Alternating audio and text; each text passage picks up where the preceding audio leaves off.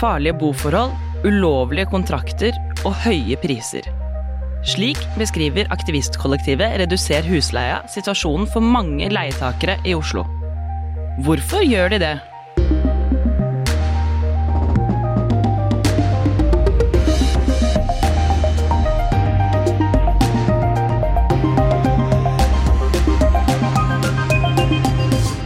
Velkommen til Oslopodden, Velkommen. din ukentlige nyhetspodkast fra lokalavisen Vårt Oslo, der du og jeg jobber, Vegard. Jeg heter Oda, og sammen så går vi nærmere inn på én nyhetssak fra bybildet den siste uka. Og i denne episoden her så skal vi snakke om hvordan det er å stå utenfor boligmarkedet i Oslo, Vegard. Ja, for tiden så går det en debatt om husleielovverket.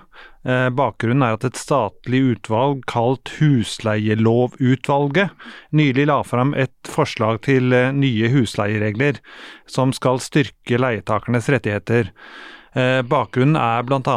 at det regelverket som vi har i dag, ble innført i 1993 og altså er eldgammelt og trenger en total revisjon, ifølge Forbrukerrådet.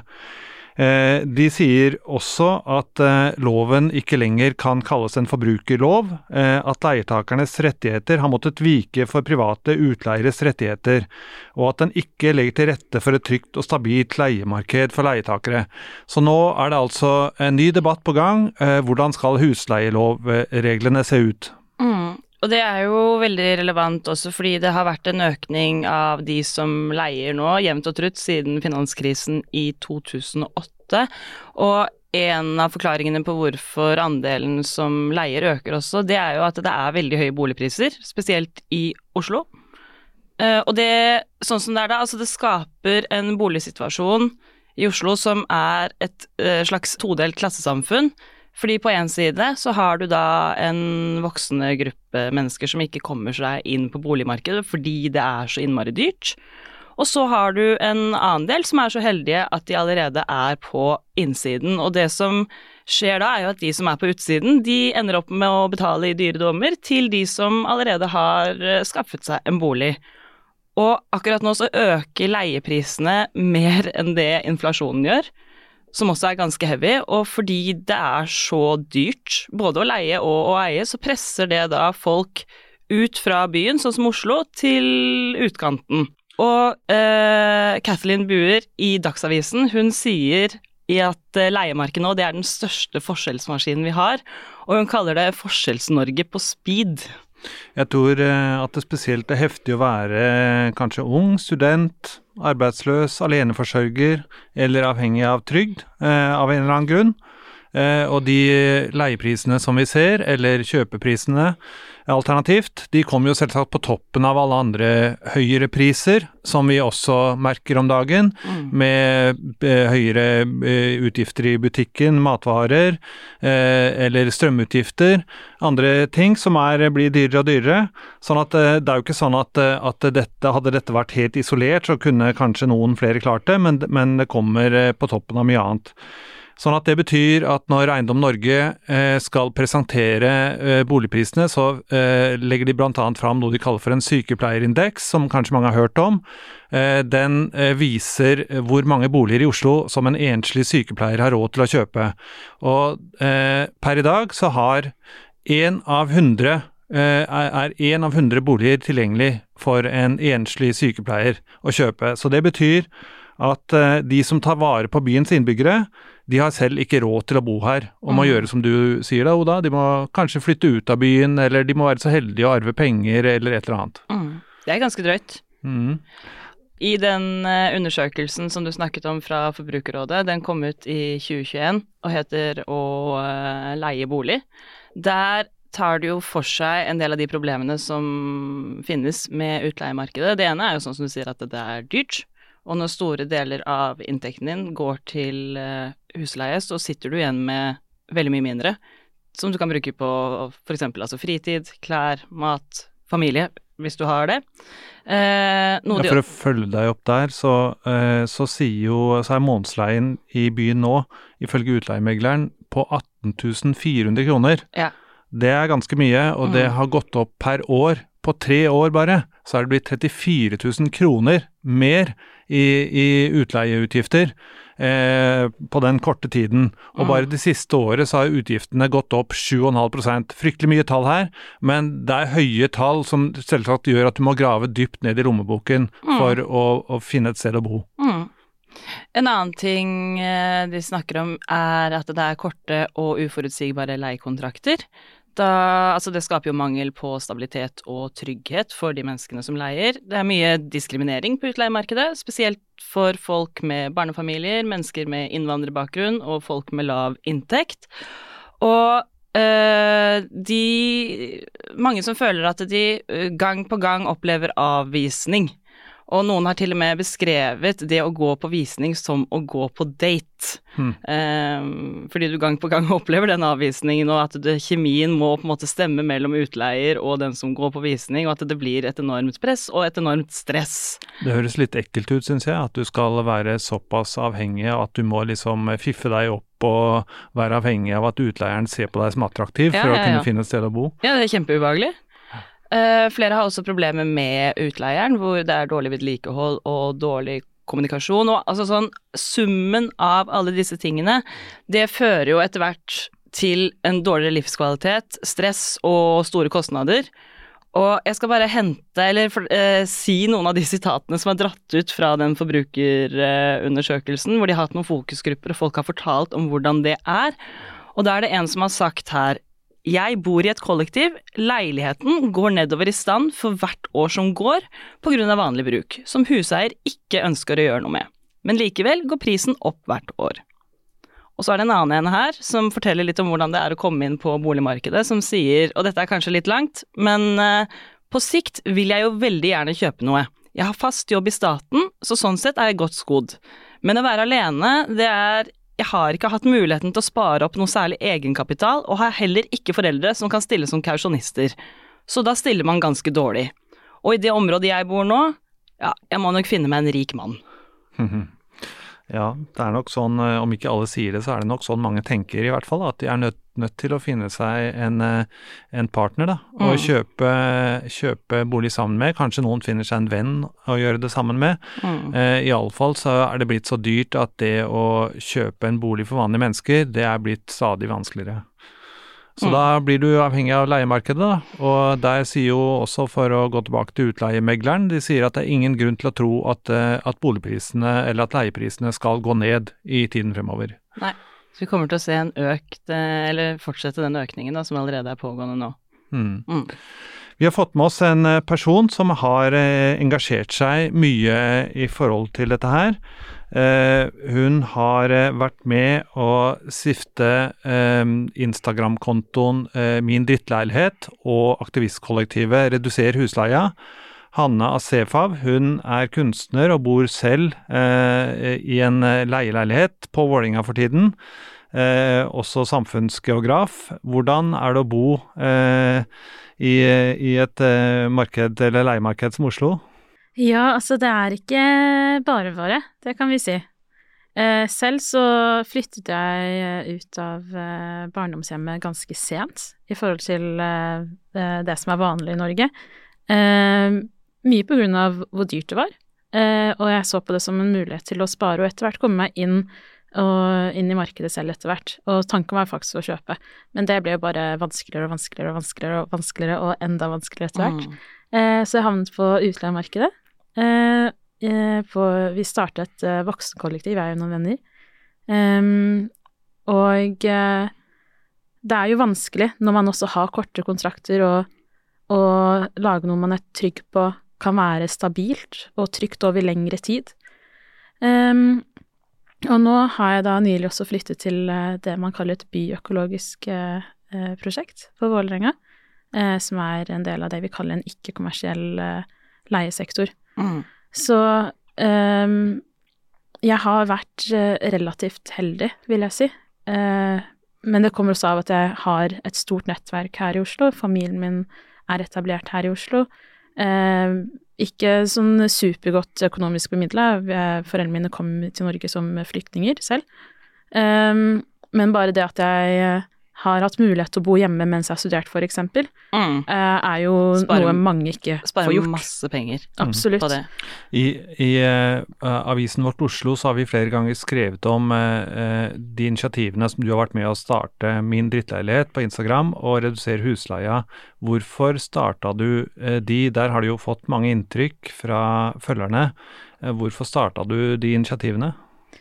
Ja, så eh, eh, Reduser husleia starta opprinnelig som et opprop under eh, covid, de første dagene der, da man eh, man forsto at eh, dette var seriøse greier, og lockdown, og plutselig var det masse folk som befant seg i en eh, økonomisk vanskelig og uforutsigbar situasjon, og vi ble bedt om å stille opp i denne dugnaden av eh, eh, daværende statsminister, og alle andre, egentlig. Eh, men det var veldig tydelig at det var noen som eh, det, det var noen forventninger om hvem som skulle være med i den dugnaden, sånn egentlig. Mm. Eh, og det gjaldt ikke utleiere. Em, så da starta, starta dette oppropet, og så var det mange som eh, ble med eh, på initiativet etter hvert, og så ble vi til et eh, aktivistkollektiv som har jobbet mye med ikke bare eh, leiepolitikk, men eh, generelt boligpolitikk eh, i etterkant av det. Mm. Men Var det da et opprop for å altså redusere husleia, sånn som Ja. det heter? Absolutt, å redusere husleia og fryse leia, og, eh, og rett og slett vise de solidaritet med folk som, eh, som eh, mistet inntekt. Eh, ikke engang mistet, men bare ikke hadde noe inntekt. Mm. Man visste jo ikke hvordan, eh, hvordan, eh, hvordan framtida så ut, da. Og eh, nå vet vi litt mer om den framtida. Den har ikke vært eh, så veldig nice, akkurat. Men Mm. kjente du på, hadde du, altså der hvor du bodde på den tiden, hvordan var leiligheten din da? Hadde du noen personlig erfaring med eh, dårlig husleier, eh, utleier eller eh, ræva boforhold eller noe sånt som var også grunnen til at du starta det her, eller var det Mm, Akkurat da så bodde jeg hos foreldrene mine, faktisk, så jeg selv var ikke leietaker. Eh, så det var, eh, det var liksom eh, noe som vi satte i gang eh, i eh, ikke bare solidaritet, men også sinne og en sånn rettferdighetssøken. Um, men jeg er jo også samfunnsgeograf i bånn, så så jeg jobbet jo også Eller jeg studerte det politiske landskapet og boliglandskapet og sånt på den tida, og jobbet også med en oppgave om kommunale boliger. Um, så uh, det er en interesse jeg har hatt i lang tid. Selv om jeg selv ikke var i en uh, vanskelig leiesituasjon akkurat da, så var jo nesten hele nettverket mitt det. Ja, ja. Uh, og det, det rører jo også selvfølgelig noe igjen. Men som sagt, det her er jo ikke bare uh, mitt prosjekt. Vi, uh, vi er jo blitt mange, heldigvis. Det her hadde ikke gått an å gjøre aleine, så vi setter veldig fokus på liksom det, det kollektive og kollektivt arbeid og um, ja. mm. Mm. Mm. Gjennom den eh, Instagram-kontoen din så har vi jo sett litt eh, om ulike typer av eh, boforhold. Kan du si litt om, om eh, det som eh, dere lærte der?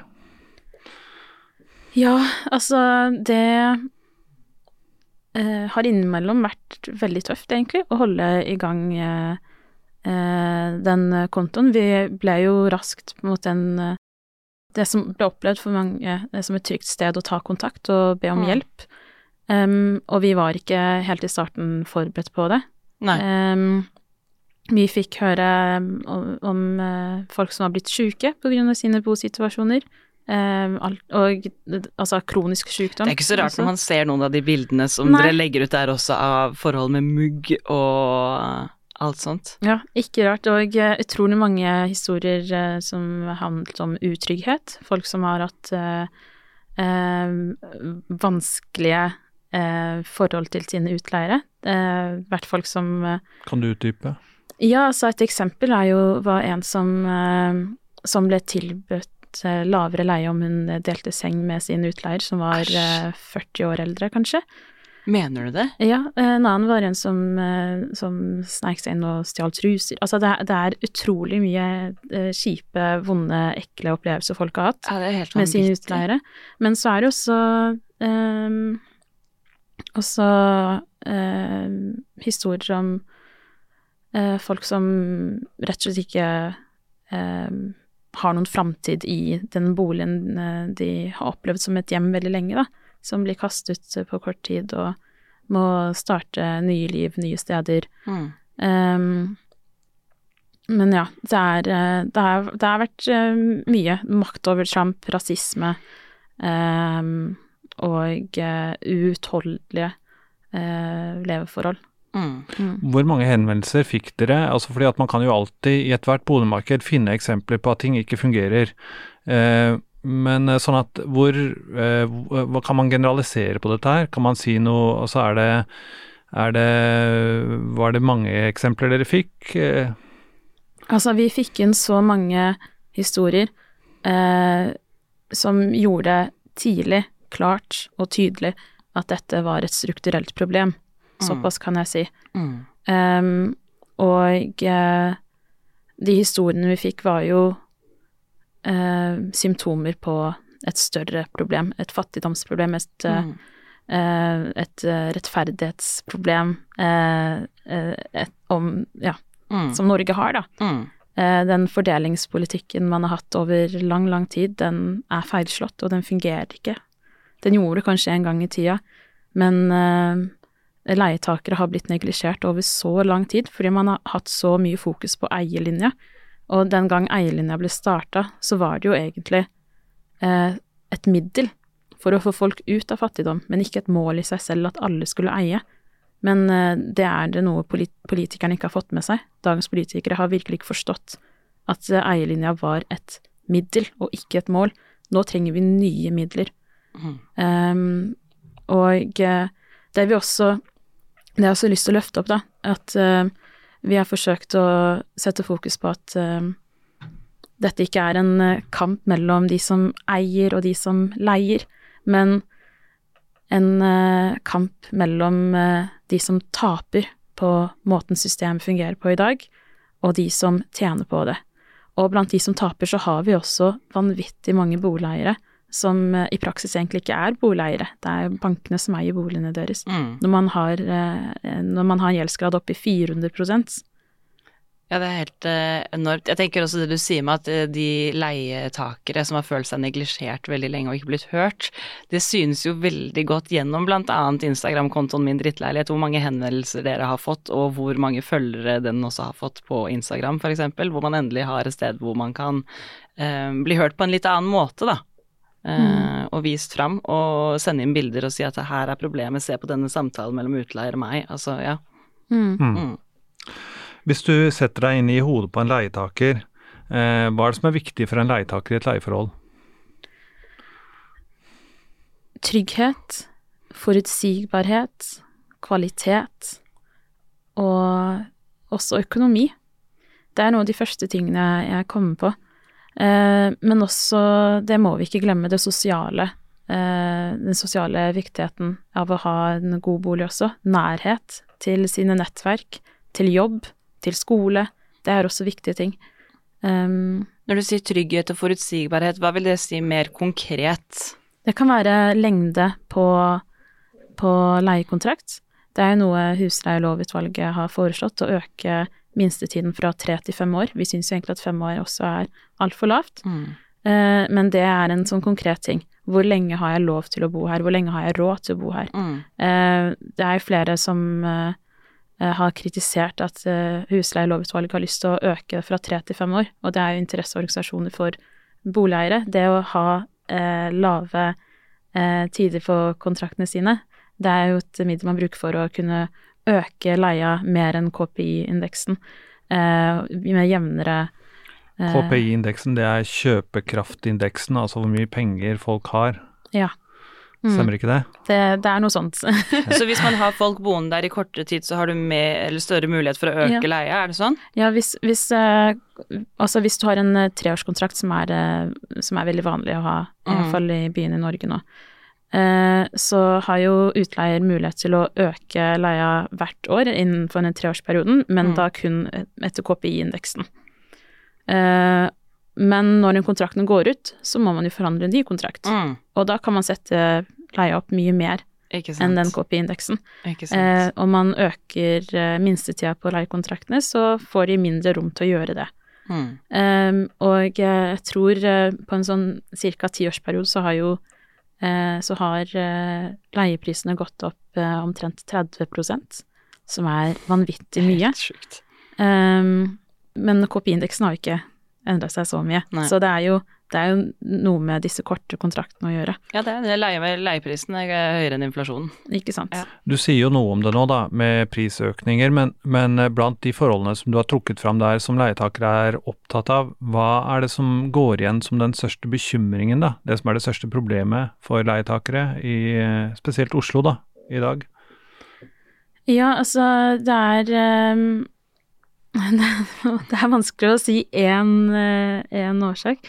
Eh, men det er jo denne muggen, blant annet. Eh, og eh, noen er Ja, vi har jo noen helt sinnssyke eksempler på det.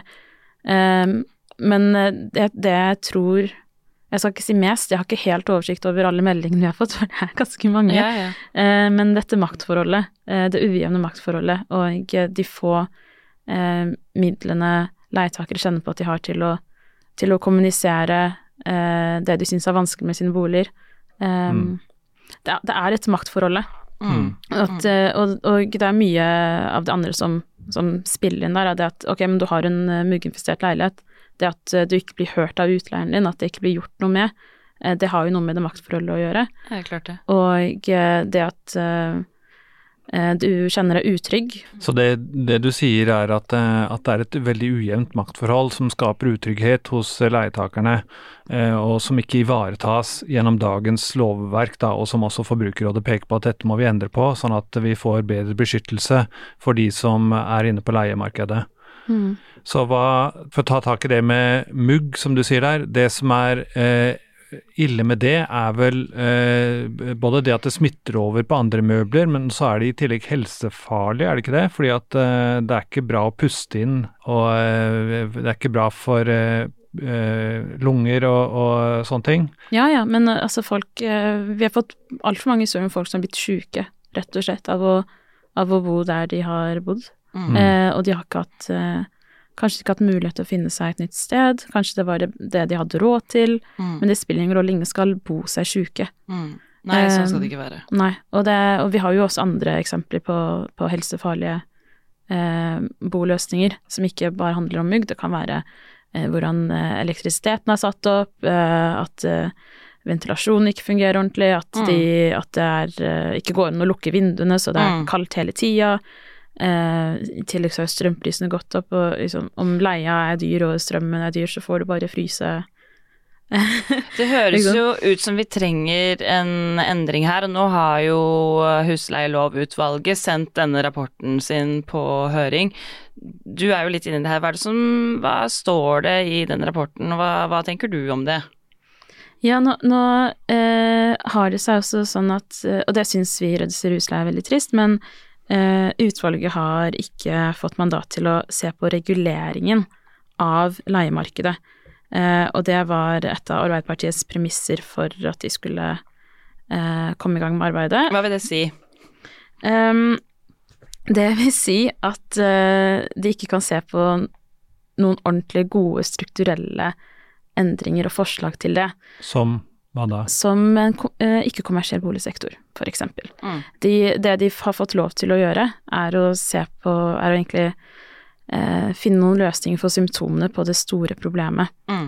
Så eh, det er jo noen av de forslagene vi har skrevet i eh, kravlista vår, at vi ønsker å få på plass en ikke-kommersiell boligsektor, at eh, vi må bygge mer. Det vil si at ingen mer. tjener på at, eh, at noen Ja. bor der, ikke sant? Men det at de ikke har mandat til å, til å uh, jobbe med det her, betyr også at de ikke kan komme med så mange forslag når det handler om bygging av nye boliger, uh, kjøpe opp nye utleieboliger av kommune og stat og sånt. Det, og det, det er jo noe vi Om vi skal uh, Om vi skal finne de gode løsningene, så må også politikerne og staten forstå at eh, leietakere er en gruppe som ikke krymper, iallfall. Mm, det er jo mm. kjempestor vekst. Det er over én million leietakere i Norge akkurat nå, Mm. og det er en gruppe som stadig vokser.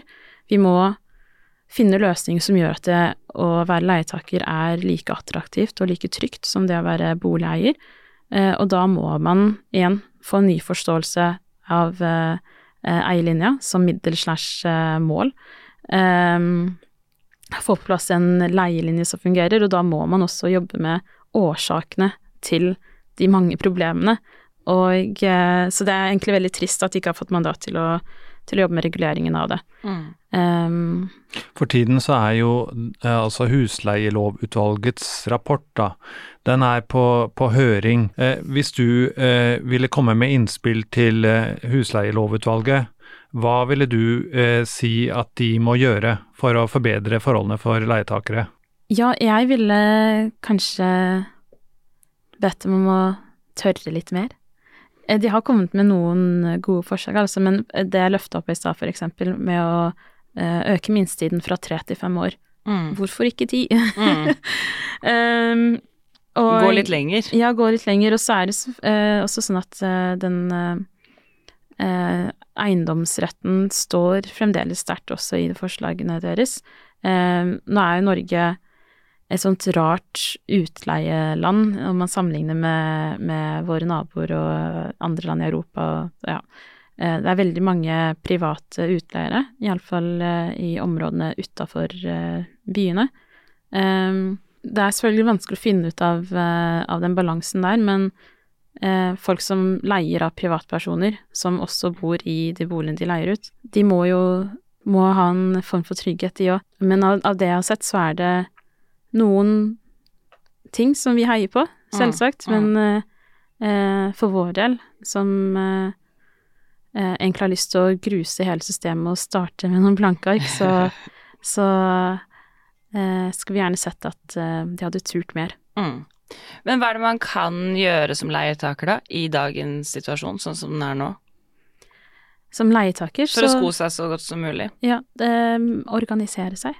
Ja, Eh, man kan organisere seg man- som leietaker. Man kan organisere seg som leietaker, man kan, eh, man kan organisere seg på eget initiativ med Mm. kollektivet sitt eller blokka si eller hva enn, ellers kan man også melde seg inn i leieboforeningen. Mm. Um, det finnes mange muligheter å organisere seg, og det er jo det som har vært veldig fint med å være en del av det kollektive, eh, eh, aktivistkollektivet til husleie, at sånn rent personlig å, å være med flere som, eh, som eh, har måttet finne seg inn i, i vanskelige bosituasjoner og eh, ha løsning på det og arbeide mot det, men også det å ha kunnet påvirke diskursen litt. Mm. Mm. Ehm, da vi starta, så kjente vi på at det var veldig mange som, som trodde at de sto aleine i å leve eh, kjipt Ja. og leie vanskelig og eh, kjenne seg liten i eh, det utleieforholdet de var i.